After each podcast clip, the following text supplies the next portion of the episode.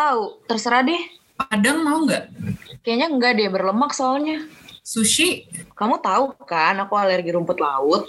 Ya udah, terus maunya apa? Ya terserah aja. Teman-teman pernah nggak sih ngalamin percakapan kayak gini? Bingung? Iya, ngeselin apalagi. Tapi hal-hal kayak gini yang justru bakal jadi bumbu di setiap percakapan yang ada dalam satu hubungan. Orang bilang kuncinya hubungan itu cuma satu, komunikasi. Tapi emang bener nggak sih? Communication is the only key to achieve long-lasting relationship. Di episode pertama hari ini, pada hari kasih sayang, gue Henry bakal ngebahas soal cinta di kala pandemi. Tapi gue ngebahasnya nggak bakal sendiri kok. Gue bakal temenin sama teman gue yang di waktu pandemi ini punya sekudang pengalaman yang bakal bisa diceritain ke teman-teman semua nih. Mbak Maria Vita mana suaranya? Halo semuanya, apa kabar? Halo Mbak, baik. Mbaknya apa kabar? Baik nih, kayak yang tadi Henry udah bilang ya, nama gue Vita. Nih, BTW, kita kok cuma berduaan doang sih? Perasaan di thumbnail ada dua orang lagi deh. Ah, siapa? Demi apa lo nggak tahu, Hen? Mending lu cek deh sekarang. Eh, sumpah gue nggak tahu tadi nggak di briefing sama tim kreatif. Bentar ya. Aduh, Kita kita kayak nggak profesional banget ya. Oh, oh, oh, oh. Gue tahu, gue tahu banget. Ini dua orang paling penting di BPM KMFK Krida.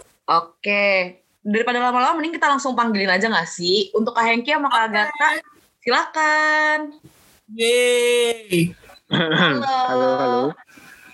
Halo, halo Kak. Apa kabar Hai. nih? Ih, baik banget. Baik, baik.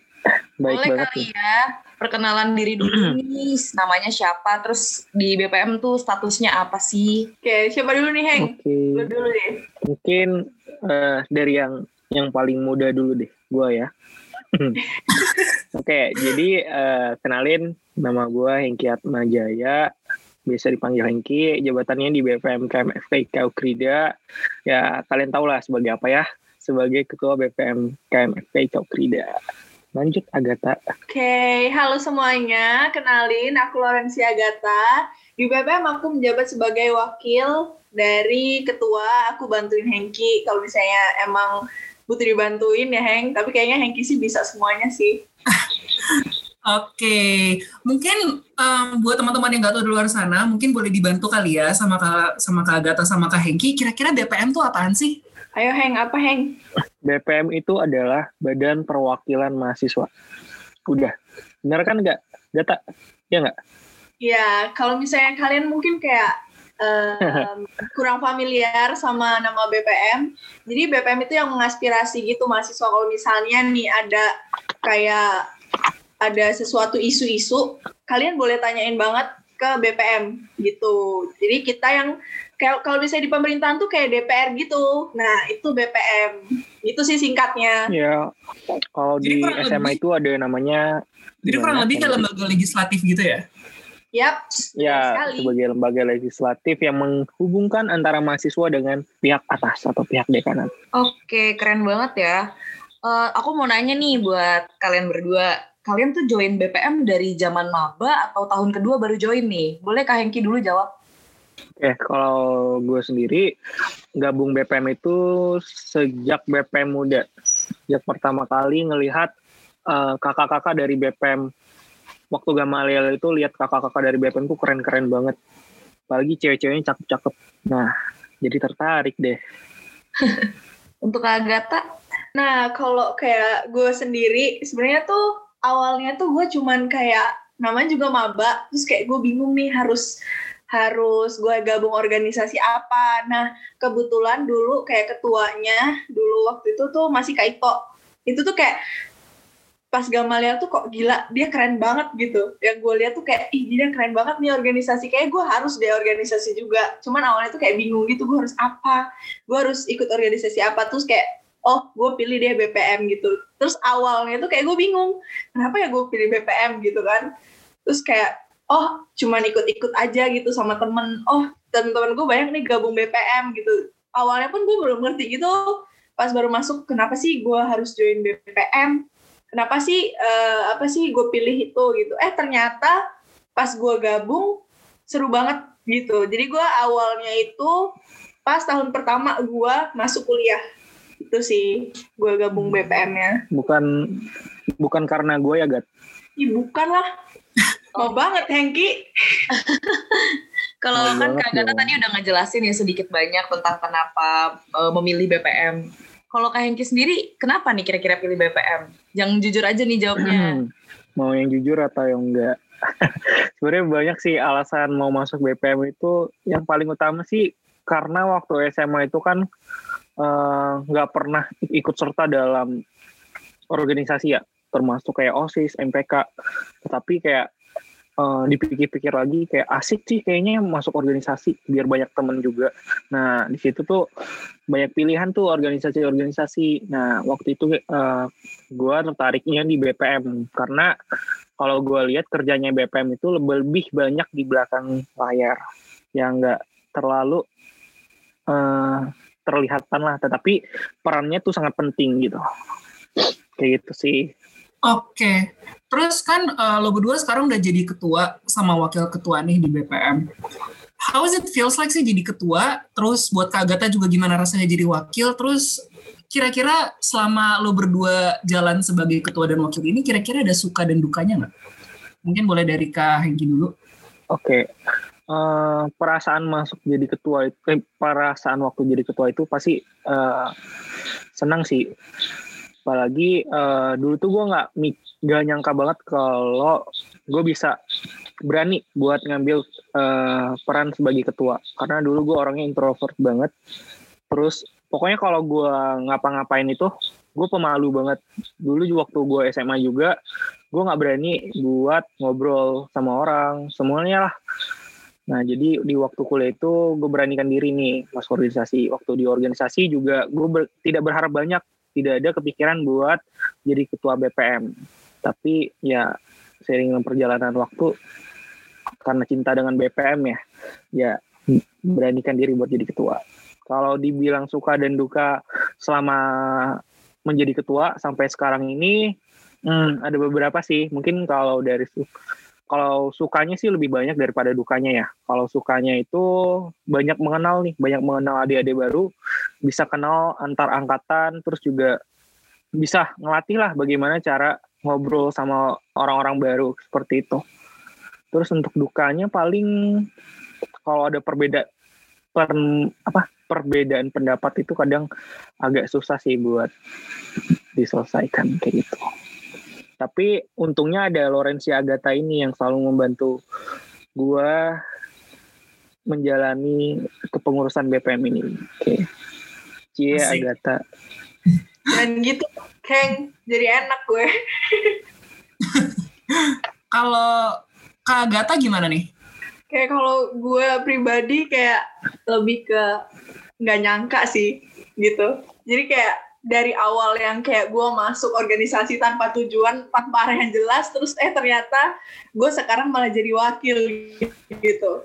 Kayak kita nggak bisa nebak lu bakal jadi apa gitu se- selagi ada kesempatan oke lah gue coba gitu kan. Kayak gue juga kaget waktu Hengki bilang Gat lu mau nggak jadi wakil gue yang yang gue inget banget dari Hengki itu ngomong gini kayak pas sebelum KPU tuh dia ngomong kayak Gat gue percaya sama lu lu percaya nggak sama gue kalau lu percaya ayo kita maju bareng. Nah itu yang gue nggak bisa lupa sampai sekarang.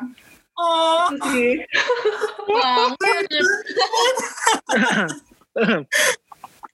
Jadi malu. itu sih yang yang yang bikin gue semangat sampai sekarang. Dari awalnya gue nggak ada tujuan masuk organisasi apa tuh itu gitu. Jadi ternyata banyak kayak teman-teman gue yang percaya sama gue dan Hengki dan kayak kenapa dari kita sendiri nggak percaya gitu kan. Jadi ya ayo gitu. Akhirnya gitu sih awalnya. Jadi ya ya udah seneng aja gitu sekarang udah bisa jadi wakil dan dipercaya. Terus kayak kalau suka dukanya sih apa ya lebih banyak sukanya sih. Karena kayak gue pribadi gue menikmati bersosialisasi gitu. Gue seneng eh, ngobrol seneng lakuin kegiatan-kegiatan yang kayak awalnya juga. Gue tuh kayak ngelakuin suatu kegiatan tapi kayak mut-mutan gitu. Dan sekarang gue ngerti ternyata eh, berkegiatan tuh nggak boleh gitu. Lo harus kayak eh, profesional lah gitu. Itu sih sukanya kayak gue dapat pengalaman gue dapat ketemu orang baru terus kayak gue jadi kayak dapat pengalaman baru dari orang-orang kayak terdekat gue dari kakak tingkat gue bahkan gue dapat pengalaman dari adik-adik tingkat gue yang oh ternyata uh, umur tuh nggak membatasi pengalaman lo lebih banyak gitu. Terus kalau misalnya kayak dukanya apa ya? Kalau duka dibilang dukanya tuh lebih ke selisih pendapat gitu sih. Karena kan namanya juga kerja sama banyak orang punya pendapat masing-masing yang kadang tuh susah buat ngegabungin gitu. Kayak semua pendapatnya itu. Benar, kadang ada yang juga ada yang juga yang kayak dikasih tahu susah atau ada juga yang oh dia gampang nih dikasih tahu tapi dia susah dalam kerjanya. Itu kayak ada suatu hal yang lo punya positif dan lo punya negatifnya gitu sih. Terus kayak lebih ke sukanya Mungkin sih lebih kayak banyak. itu nggak sih Gata? Iya. Apa? Kayak ada beberapa anggota BPM yang sebelumnya nggak lanjut itu merupakan suatu duka yang besar nggak sih? Iya, sedih banget sih kalau misalnya kayak bisa dibilang kayak angkatan aku gitu. Ada yang kayak emang dari awal kita bareng-bareng eh, terus ternyata dia nggak lanjut tuh kayak sedih aja gitu loh kenapa sih nggak lanjut? Ayolah gitu. Pengennya tuh udahlah ayo gitu. Tapi ya nggak bisa paksain juga kan. Gitu Oke, terus uh, kira-kira nih sebelum kalian jadi wakil ketua sama ketua BPM nih, hubungan kalian tuh gimana sih? Kayak cuman apa? Apakah kalian emang temen yang deket banget atau cuman sekedar teman organisasi doang? Kalau misalnya... Mulai dari Kak Agatha dulu deh sekarang. Oke, okay. gue dulu ya. Jadi gue tuh kenal Hengki tuh ya udah pas di organisasi doang. Hengki tuh yang mana sih gitu aja gue kadang nggak tahu Hengki tuh yang mana orangnya gitu. Kalau misalnya bahkan gue waktu itu satu komisi sama dia di komisi satu. Gue nggak tahu Hengki yang mana. Tuh gue mikir aja. Gila gue satu organisasi aja gue nggak tahu. Temen gue sendiri oh. gitu satu angkatan lagi. Dia kenalnya itu pas di organisasi itu. Terus kayak uh, dia tuh sering gitu kan. Kayak main di kosan temen aku dan satu kosan. Itu pun aku nggak tahu gitu kalau bisa ketemu oh itu yang namanya Hengki itu enggak dia emang itulah dampaknya organisasi gitu lu nggak kenal waktu, lu nggak tahu jadi tahu. Waktu udah ngelihat nggak bisa dilupain ya Gat ya? Aduh ya iyalah. Ketawa lu. Oke, lanjut ke gua kali ya. Iya. boleh boleh. Oke kalau dari guanya pertama itu ya sebelum gue mengenal Agatha di BPM itu gue lihat Agatha itu mukanya sinis banget. Dari dia kan ketua kelas tau gue tahun waktu gue pertama kali masuk tuh dia sebagai ketua kelas. Nah di situ gue lihat dia itu kayak uh, aduh nih temen angkatan gue kok mukanya sangar banget sinis banget kalau ya, ngeliat orang gua, kayak gitu. gue baik ya. Gimana gimana? Ya tapi ternyata baik.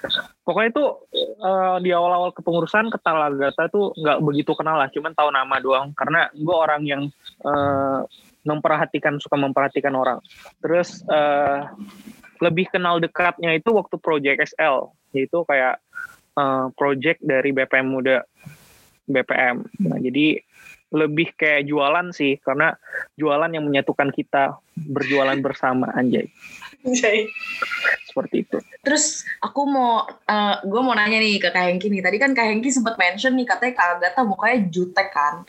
Terus kok pada akhirnya ended up memilih Kak Agatha untuk jadi wakilnya.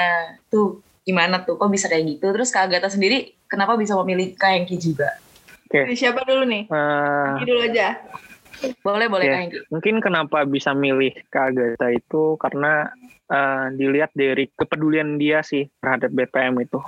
Dia aktif juga waktu Project XL dia juga termasuk orang yang selalu ngingetin gue kayak kalau ada masalah internal antara BPM Muda termasuk uh, tentang Project XL dia selalu kayak uh, ngabarin gue kayak eh gini loh gini loh gini loh kayak gitu sih. Terus juga uh, dia aktif sih buat ngerangkul BPM muda angkatan gue seperti itu sih. Dari Agatha yang banyak sih. Dia nggak Agatha? Dari gue yang banyak. Kayak gue tuh lihat Hengki tuh kayak setelah gue kenal dia tipikal yang uh, apa ya lebih kayak peduli sih gitu. Kayak misalnya di grup BPM muda yang kayak buka percakapan yang ngingetin kita itu semua itu Hengki gitu. Jadi kayak apa-apa tuh dari angkatan aku kayak angkatan 18 gitu juga nanyanya ke Hengki ininya ke Hengki gitu. Jadi kayak udah kelihatan gitu apalagi Hengki kan uh, jadi ketua kelas jadi kelihatan gitu tanggung jawabnya. Jadi kita dari angkatan 18 kayak setuju nih Hengki ini cocok jadi ketua gitu. Gitu sih singkatnya. Jadi nggak enak. Jadi nggak enak gue enakin.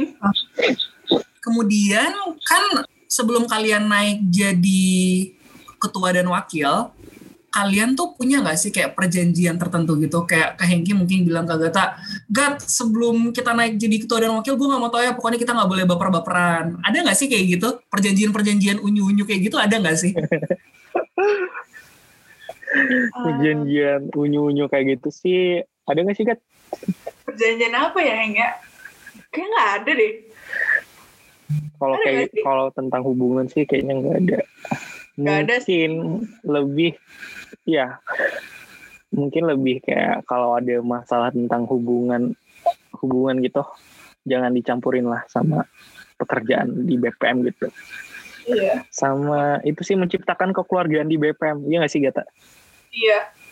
Kayak lebih ke profesional aja gitu sih. Kalau misalnya ada problem pribadi. Misalnya gue sama Hengki secara pribadi gue marah nih gue berantem. Kayak misalnya gue udah berantem banget tapi kalau misalnya kayak di BPM ya harus kayak oh kita baik-baik aja gitu. Gak boleh lah kayak diliatin. Ntar juga liatnya gimana gitu gak sih? Berarti kan secara nggak langsung Kak Hengki sama Kak Agatha bilang kalau misalkan hubungan kalian berdua itu selama di BPM just keep it professional gitu kan. Selama di BPM profesional, di luar BPM juga udah beda lagi nih. Emang gimana sih kalau misalkan di luar BPM hubungannya? Hmm, mungkin itu- sebatas sebatas Boleh teman dari Kak Hengki dulu deh. Iya. Agak berat ini. Mungkin sebagai sebatas teman doang sih. Mungkin kita tuh akrabnya lebih waktu pandemi. Jadi banyak komunikasinya tuh waktu pandemi. Kalau di luar pandemi itu paling kayak ngobrol-ngobrol gitu loh tentang eh biasalah habisin tag. Eh lu bisa nggak? Ini bisa nggak? Mungkin kayak gitu. Kalau di di pandemi seperti ini mungkin em, sama sih tanya eh, tanya-tanya tentang perkuliahan seputar perkuliahan kayak gitu. Iya sih kalau misalnya kayak di luar BPM ya temenan biasa gitu. Ya kayak teman-teman pada umumnya gitu sih kayak ngobrolnya itu ya tentang kayak kuliahnya gimana, terus habis itu mungkin inteknya bisa apa enggak. Paling kalau misalnya ketemu tuh seringnya kayak ngomongin BPM gitu sih. Ih gila profesional banget kita. kayak ngomongin, Iya benar banget. ya kan? kayak gitu Hmm. kayak Ngomongin BPM atau ngomongin anggota BPM Agatha? Oh iya, yang ngomongin BPM-nya lah, emang ngejulit. lu. Oh, BPM lah. kan dari tadi nih kalian berdua nih kayaknya eh, bilangnya keep it profesional teman deket tapi pernah ada nggak sih salah satu dari kalian gitu yang pernah cinlok satu sama lain? Atau atau kalian hubungannya sekarang gimana? Apakah single atau ada yang punya pasangan masing-masing? Boleh diceritain sedikit mungkin dari Kak Agatha dulu deh. Gue banget nih ya. Kalau kita pribadi sih kayak eh, cuman temenan doang sih. Karena kayak kita dari masing-masing tuh udah punya pacar. Apalagi Hengki kan. Satu Duh. BPM juga pacarnya. Hmm gimana ya? Jadi ya enggak gitu. Aduh. Jadi enak gue. jadi enggak sih kayak lebih ke temen gitu tapi ya tau lah Hengki gimana Waduh, gimana Heng Ya iya. Boleh diulang pertanyaannya tadi? ya kalau lu gimana kalau gue sih anggap temen Heng selama ini Oh gitu. Padahal gue Waduh. mengharapkan jawaban yang lebih anjay. waduh dong aduh, waduh, wah, wah, gimana nih? yang terungkap nggak nih malam ini Ini nggak. ketemu sama pasangan masing-masing. Enggak, enggak bercanda, bercanda. Ah, ya sebatas teman doang lah. Apalagi eh, pacarnya Agatha, temen gue juga kan. Kayak gitu sih. Hmm. Sama-sama udah punya pasangan sih. Yap. Jadi kenapa bisa profesional sekali ya karena itu. Oh berarti kalau nggak ada pasangan ada kemungkinan buat nggak profesional gitu? Eh, ya nggak gitu juga konsepnya ibu. Kompor sekali ya Oke kan eh, Kak Gata sama Kak Hengki nih udah punya pasangan masing-masing nih. Mungkin boleh diceritain nggak ya? Boleh diceritain dikit nih eh, soal pasangannya masing-masing tuh gimana sih? Selama pandemi ini kira-kira hubungan kalian gimana sama pasangan kalian? Mulai dari Kagata dulu boleh deh. Teh Hengki udah batuk-batuk soalnya. Iya udah batuk-batuk. Harus banget gue dulu ya. Kalau udah bawa kalau udah bahas pasangan batuk-batuk pasti. Kalau gue pribadi kayak selama selama pandemi atau selama gue jadi ikut organisasi itu gimana nih? Eh, selama pandemi aja deh. Oke, jadi kalau misalnya selama pandemi kan kayak gue kan balik karena asal gue di Lampung, jadi gue kayak balik ke Lampung ya udah LDR gitu. Mungkin karena gue biasanya kayak gue ketemu tiap hari di kampus, terus kayak jadi LDR tuh kayak lebih banyak berantem sih, gitu. Entah itu miskom dari kata-katanya yang nggak pas, padahal dia maksudnya nggak marah, tapi gue bacanya marah ya kan? Atau mungkin lagi video call susah dihubungin ya kayak gitu sih. Namanya gue pandemi ya kan?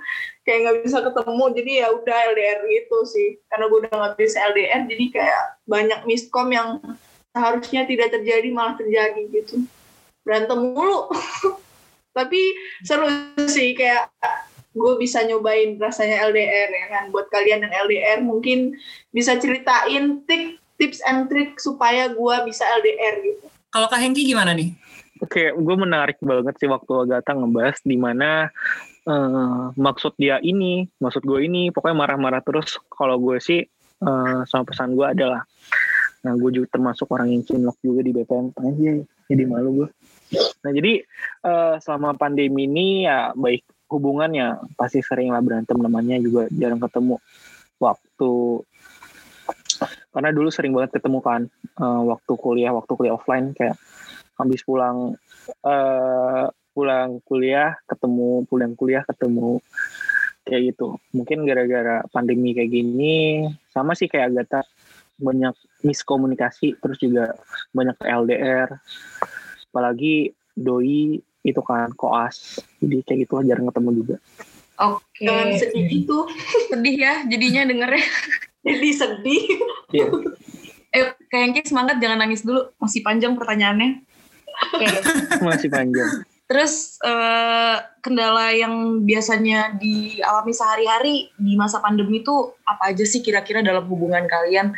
Entah yang kayak eh, mungkin perbedaan waktu jadi susah mau eh, ngobrol-ngobrol dari telepon atau gimana? Kak Hengki deh boleh Kak Hengki. Oke, uh, kalau berdasarkan pandemi ini, biasanya sering sih kayak kalau aku kan emang jarang main HP, terus juga jarang banget. Uh, pokoknya jarang banget nyentuh HP. Kalau nyentuh HP itu waktu perlu doang. Mungkin di situlah uh, letak kesalahan. Kadang ada kalau ada kesalahan seperti itu sih yang bikin hubungan tuh kadang ada aja masalah seperti itu. Ada aja masalah gitu loh. Jadi ya jarang gitu jarang kontakan juga. Udah jarang ketemu jarang kontakan kayak gitu. Karena ada kesibukan masing-masing kan apalagi kuliah padat gini terus juga uh, jarak ujian yang dekat kayak gitu. Jadi mempersulit lah gitu. Wah sedih nggak tahu ya. sih kalau Agatha. Kalau Kak Agatha gimana nih Kak Agatha? Tuh kalau misalnya gue ya gue pribadi gue adalah orang yang sangat malas memegang HP apalagi kalau misalnya kayak di rumah gue ada aja yang gue kerjain. Entah gue ngapain kayak walaupun kayak gue pengacara gitu kan pengangguran yang banyak acara gitu. Jadi gue entah gue bantuin mak gue masak ke atau gue main ke rumah siapa gitu teman gue di sana gitu. Itu gue nggak pernah bawa hp sama sekali. Jadi kayak kecuali kayak emang udah misalnya ada misalnya rapat atau mungkin ada kegiatan yang dari BPM gitu. Itu baru gue kayak oh gue inget gue pasang alarm dulu. Jadi gue jam itu gue gak ke mana-mana. Tapi kalau misalnya kayak gue nggak ada kegiatan gue nggak ngapain ya udah gue biarin aja HP-nya jadi lebih ke mungkin guanya sih ya kalau bisa dibilang tuh kurang ajar gitu jadi telepon gak diangkat kadang di chat juga balasnya dua jam sekali gitu sih terus kayak gue pribadi tuh gue tipikal yang kayak cuek gitu loh kayak bodo amat gitu atau enggak pacar gue sendiri nih yang kayak oh ya udah bodo amat gitu jadi kalau chat itu cuma y g ya udah kayak gitu ya kayak gak ada topik Padahal kalau misalnya kayak ketemu langsung tuh ada aja gitu yang dibahas. Tapi kalau misalnya chat kayak gitu bingung gak sih? Masa lu nanya lagi apa? Lu lagi ngapain? Udah makan belum gitu? Kayak lu udah 20 tahun friend gitu. Masa iya lu ya, makan setuju banget gue setuju. gitu. gue kayak gitu sih. Apalagi di apalagi di pandemi gini kan kita di rumah doang gitu kayak topik pembicaraan tuh kayak udah num udah gimana ya udah diomongin semua gitu kecuali kalau kita udah sering keluar pasti ada juga topik pembicaraan kayak gitu sih paling di rumah yang ngapain kegiatannya kan makan tidur Hmm. kelas makan pun pasti udah ada emak yang ngingetin ya kan kayak gitu sih lebih kayak dibilangnya nggak perhatian gitu Padahal menghindari basa-basi aja ya.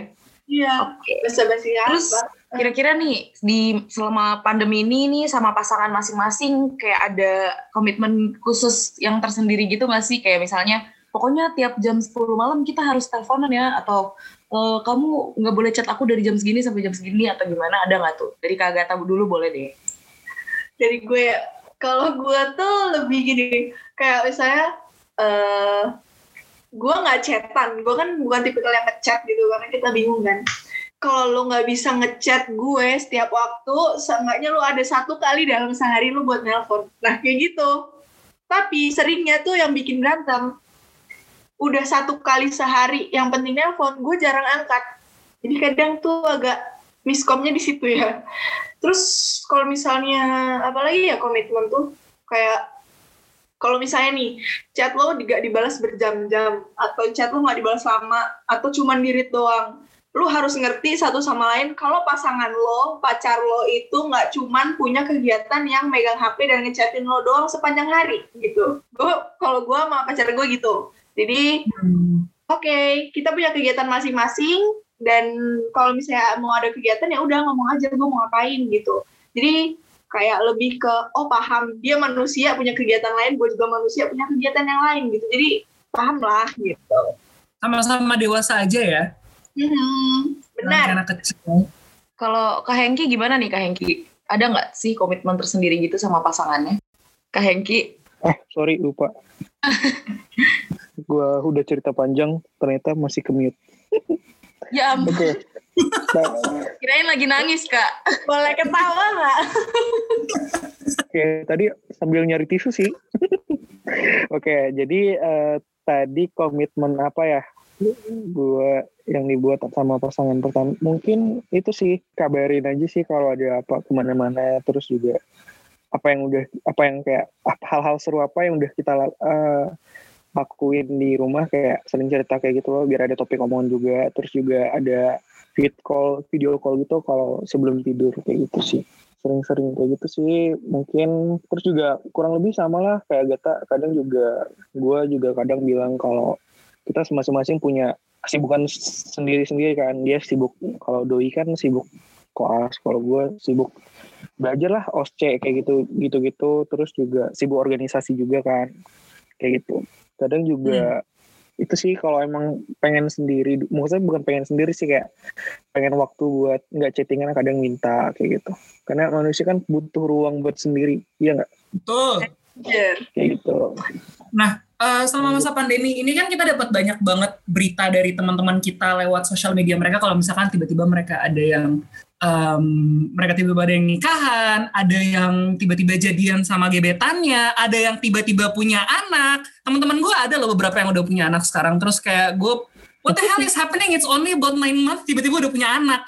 Terus kayak even ada yang putus. Kira-kira dari Kak Agatha sama Kak Hengki sendiri sempat ada dalih-dalih mau putus nggak sih pas pandemi ini kemarin?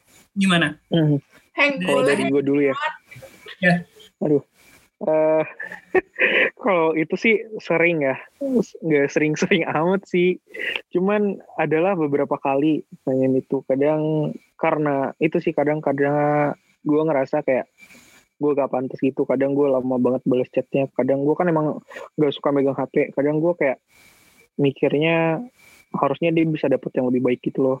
Supaya yang bisa nemanin dia yang bisa kayak balas chatnya kalau dia lagi kesepian kayak gitu kadang gue eh, kayak bingung lah. Gue termasuk eh, orang yang jarang pacaran terus eh, pacaran terus kayak ada dalam masa peralihan kayak gitu. Kadang sedih juga sih. Kasian juga ke dianya kayak bukan maksud dia ngejar-ngejar gue sih. Tapi kadang gue ada kesibukan sendiri yang bikin gue jarang megang HP kayak gitu. Banyak juga sih. Kadang juga salah paham kayak gitu. Karena udah mau dua tahun kan sering Kak, ada jangan nangis masalah. Kak. ya buat Gak apa-apa, buat doi Henki, yang nonton ini aja aku sayang kamu anjay Ah, lucu banget. Kalau Kak Agatha gimana nih? Kalau gue kayak gue gue pacaran tuh udah jalan tiga tahun, mau tiga tahun gitu. Jadi ya gue selama mau jalan tiga tahun itu gue tuh mau putus satu kali. Itu gara-gara LDR. Jadi karena mungkin karena gue orangnya ya tau lah gue sangat menyebalkan mungkin di mata dia. Karena gue nggak pernah kayak balas gue jarang, balas gue singkat, terus kayak gue kalau bisa ditelepon itu susah gitu kan. Kayak gue aja kayak gue introspeksi diri gue kan. Kayak gue pribadi gue aja gue jadi pacar gue tidak pernah meluangkan waktu buat pacar gue. Gue sibuk sendiri gitu. Dan kayak komitmen gue di awal yang tadi yang gue bilang oh setiap orang tuh punya kegiatan masing-masing gitu itu gue malah jadi kayak salah kaprah gitu dengan hal itu padahal gue yang bikin Kayak hal, hal bodoh yang gue lakukan gitu Dari masalah sendiri namanya ya. Nah itu dia, itu dia. Gue salahnya di situ kan kayak oh setiap orang punya. eh, jadi kalau misalnya kayak dia marah-marah, kenapa sih nggak diangkat teleponnya? Kayak gue bilang lah kan gue punya kegiatan gue sendiri. Masa lu nggak mau memahami gue sih? Jadi kayak gue orang yang sangat menyebalkan ya. Cewek tuh selalu benar dulu ya kan? Tapi gue setelah pikir-pikir ya juga sih. Ya juga nggak bisa gitu bun. Gitu kan dalam otak gue nggak bisa gitu. Terus ya udah kayak gue justru gue yang bilang kayak udah lo gue mau break aja gue capek sama lu gitu. Gue males Hmm. anjir berantem mulu. Kayak gitu. Kayak Berarti kalau dalam hubungannya Kak Agatha gitu yang nyari masalah Kak Agathanya ya? eh kayaknya sih iya ya setelah gue pikir-pikir ya ini baru sekarang nih gue mikir nih barusan nih kayaknya iya ya Biasanya kan kayak cowoknya gitu yang malas malas balas karena mungkin cowoknya lagi main game segala macam. Ini emang emang Kak Agathanya yang butuh I need space. ya Emang gitu butuh kayaknya gue eh, apa namanya gue senang dengan dunia gue sendiri OMG sama. gue menikmati kayak gue pengen main ke sana ya gue main. Gue pengen ngapain ya gue pergi gitu. Kayak untungnya sih cowok gue baik ya dia memahami gue jadi Iya. gue oh terserah lu. Lu masih kuliah lu masih butuh temen. Kalau misalnya seandainya nih kayak gue tuh selalu kayak gue sama pacar gue selalu memikirkan hal terburuk gitu.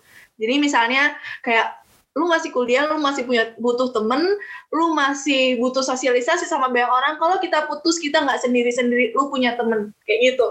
Itu yang kayak, oh oke gitu. Eh, tapi jarang banget loh ada tipe cowok yang kayak gitu yang mau ngertiin terus kayak you know what your relationship hubungan kalian tuh unik gak sih tau gak sih menurut aku Iya sih, kayak jarang juga. Kayak teman-teman gue tuh nyampe nanya loh, nyampe nanya kayak gini, lu tuh bisa lama, itu kenapa sih gitu? Padahal kayak pacar lu tuh cuek banget anjir. Kayak pacar lu tuh cuek banget, banget, banget, banget kata dia. Kayak kenapa lu bisa betah gitu? Mungkin karena gue ketemu orang yang apa sih namanya kayak membebaskan gue dalam segala hal dan gue orang yang gue seneng main, gue seneng ke mana-kemana gitu. Jadi ya itu yang buat kita cocok. untuk Kak Hengki sama Kak Gata tadi kan eh, untuk perjalanan cintanya selama masa pandemi ini ada ah ya ada dikit lah udah nyaris-nyaris mau putus gitu tapi nggak jadi kan nah sekarang kita tanya nih sama salah satu teman kita yang ada di yang ada di ruangan ini juga yang nyampe putus tuh gimana tuh Mbak Vita tolong suaranya Halo, aku yang putus pas pandemi. gimana gimana boleh diceritain dikit nggak sih sama kita gimana ceritanya sampai lo putus waktu itu Eh sebenarnya sih simple. Putusnya tuh bukan gara-gara selingkuh lah, apalah segala macam. Sebenarnya emang dia tidak deserve gue aja anjay. Jadi banget. asik Kayak pokoknya adalah satu dua hal yang soal dia yang gue nggak pernah tahu terus tiba-tiba gue tahu terus kayak ya udah duar. Gitu. Maksudnya kayak benar-benar benar-benar karena emang waktu itu pada masa pandemi dan kalian ada jadi ada distance jadi semuanya ketahuan apa gimana? Pokoknya gue tuh dulu ada temen gue kan waktu SMA temen deket gue waktu SMA terus gue udah lama nih nggak ketemu gara-gara mantan gue tuh nggak suka kalau gue deket sama dia kan. Soalnya dia dia laki-laki. Terus ya udah gue udah lama banget nggak ketemu. Dia pun kuliah jauh banget di Bali gue di sini gitu kan. Terus kayak satu momen ada temen gue ternyata satu kampus sama dia. Temen gue ngajak gue ketemuan kan. Ya udah terus kita ngumpul malah jadi ketemu sama dia juga kira cerita cerita lah kan. Nah nih temen gue ini dia tiba-tiba kayak ngomong lah gitu kayak ngomong sesuatu yang tidak mengenakan yang sama ini gue nggak tahu. Dia ngomong tuh kayak asumsi dia ya gue udah tahu gitu sebagai pacarnya. Terus ya udah putus gitu aja. Hmm. Berarti lo putus di masa pandemi, tapi gue dengar-dengar lo juga menemukan Mr. Right lagi kan di masa pandemi ini. Lu terkesannya gue kayak fuck girl banget gak sih? Enggak, enggak apa-apa. Itu kan fase kehidupan. Harus diakui. ya, ya gitu deh. Tapi maksud, tapi maksud gue tuh gini, maksudnya uh, dari pandemi ini lo jatuh lo jatuh hati, tapi di pandemi ini juga lo patah hati kayak lo bersyukur gak sih karena adanya pandemi ini lo jadi pas sama mantan lo dulu lo jadi step back lo jadi mundur dikit dan lo bisa ngeliat gambar lebih besar you can take you can look at the bigger image gitu loh mantan lo tuh kayak gimana ternyata dan ternyata ada orang juga yang sayang sama lo nih cuman karena nggak dikasih kesempatan aja uh -uh. kalau bersyukur atau enggak pandemi siapa sih yang bersyukur ya nggak sih mm-hmm. banyak problemnya gitu. Cuman kayak yang bikin gue bersyukur ya ternyata itu kan gue dulu pacaran udah lama banget ya udah dua tahun lebih gue pacaran kan. Terus putus. Ternyata ya dia ternyata nggak sebaik yang gue kira gitu kan. Ya ya udah berarti benar kata orang lu mau pacaran berpuluh-puluh tahun kalau ternyata emang dia tidak patut dipertahankan untuk apa? Tinggalin aja Asik. Tapi kan ini kayaknya kayak rada nggak nggak fair gitu kan kalau misalkan kita cuma tahu dari satu sisi aja. Gimana kalau misalkan kita panggilin mantannya Mbak Vita nih udah nungguin dari tadi. Ayo mantannya Mbak Vita masuk yuk. Ya keren lu Hen. keren keren. Kalau gue sih terkejut ya kalau beneran. Menarik sih podcast ini menarik banget. Menarik. Boleh.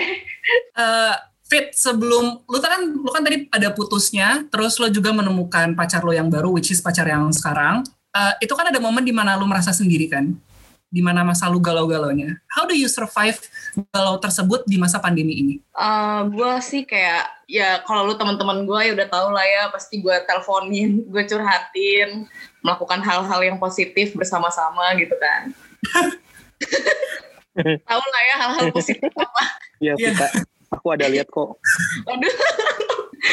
ya gitu sih, paling yang kayak lebih nge-value orang-orang yang yang di sekitar gue yang kayak nah, not taking them for granted lah karena tahu mereka akan ada di sisi gue kalau gue lagi membutuhkan anjay. Untuk Kak Hengki, Kak Agatha sama Vita, kalian semua sekarang lagi dalam relationship, kalian semua sekarang ada pacar.